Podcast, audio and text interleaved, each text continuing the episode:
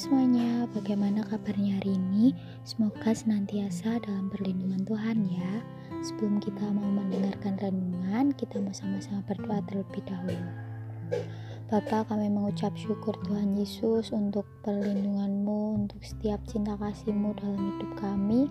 Sehingga hari ini Tuhan kami masih boleh ada, kami masih boleh menikmati setiap anugerahmu dalam hidup kami. Sebentar Tuhan kami akan mendengarkan sedikit renungan. Kiranya apa yang kami dengar hari ini bisa menguatkan setiap pribadi kami bisa menjadikan pegangan dalam hidup kami. Terima kasih Tuhan, amin Hari ini teman-teman, aku akan membagikan sedikit renungan untuk setiap kalian yang mendengar renungan pada hari ini. Teman-teman, kita sebagai manusia pasti pernah kan yang namanya marah. Kita manusia yang tidak sempurna, pasti kita pernah marah.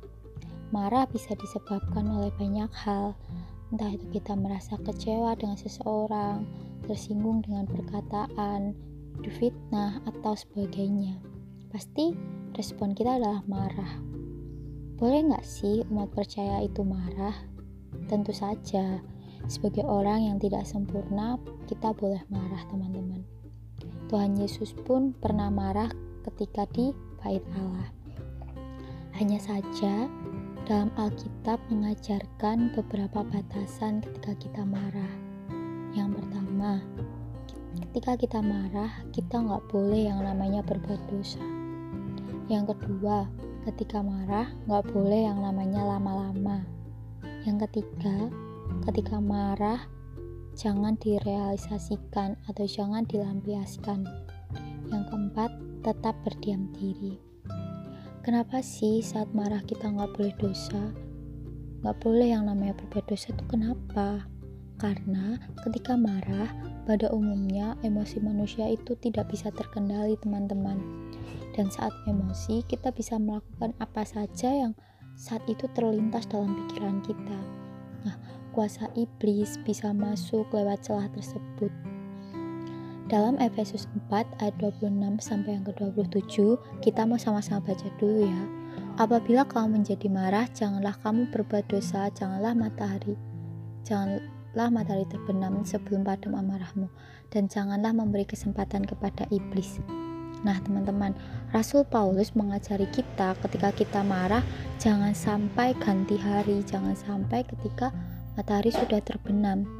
Marah boleh, tapi cukup dalam hati, sehingga kita tidak menyakiti hati orang lain dengan perkataan kita. Keluarkan kata-kata pengampunan dan maaf, maka hati kita akan tenang. Ya, tetap berdiam diri, jangan melakukan hal-hal yang aneh-aneh. Jangan melakukan hal-hal yang di luar batas. Karena apa teman-teman? Ketika kita marah emosi kita tidak bisa terkendali dan kita bisa melukai orang lain.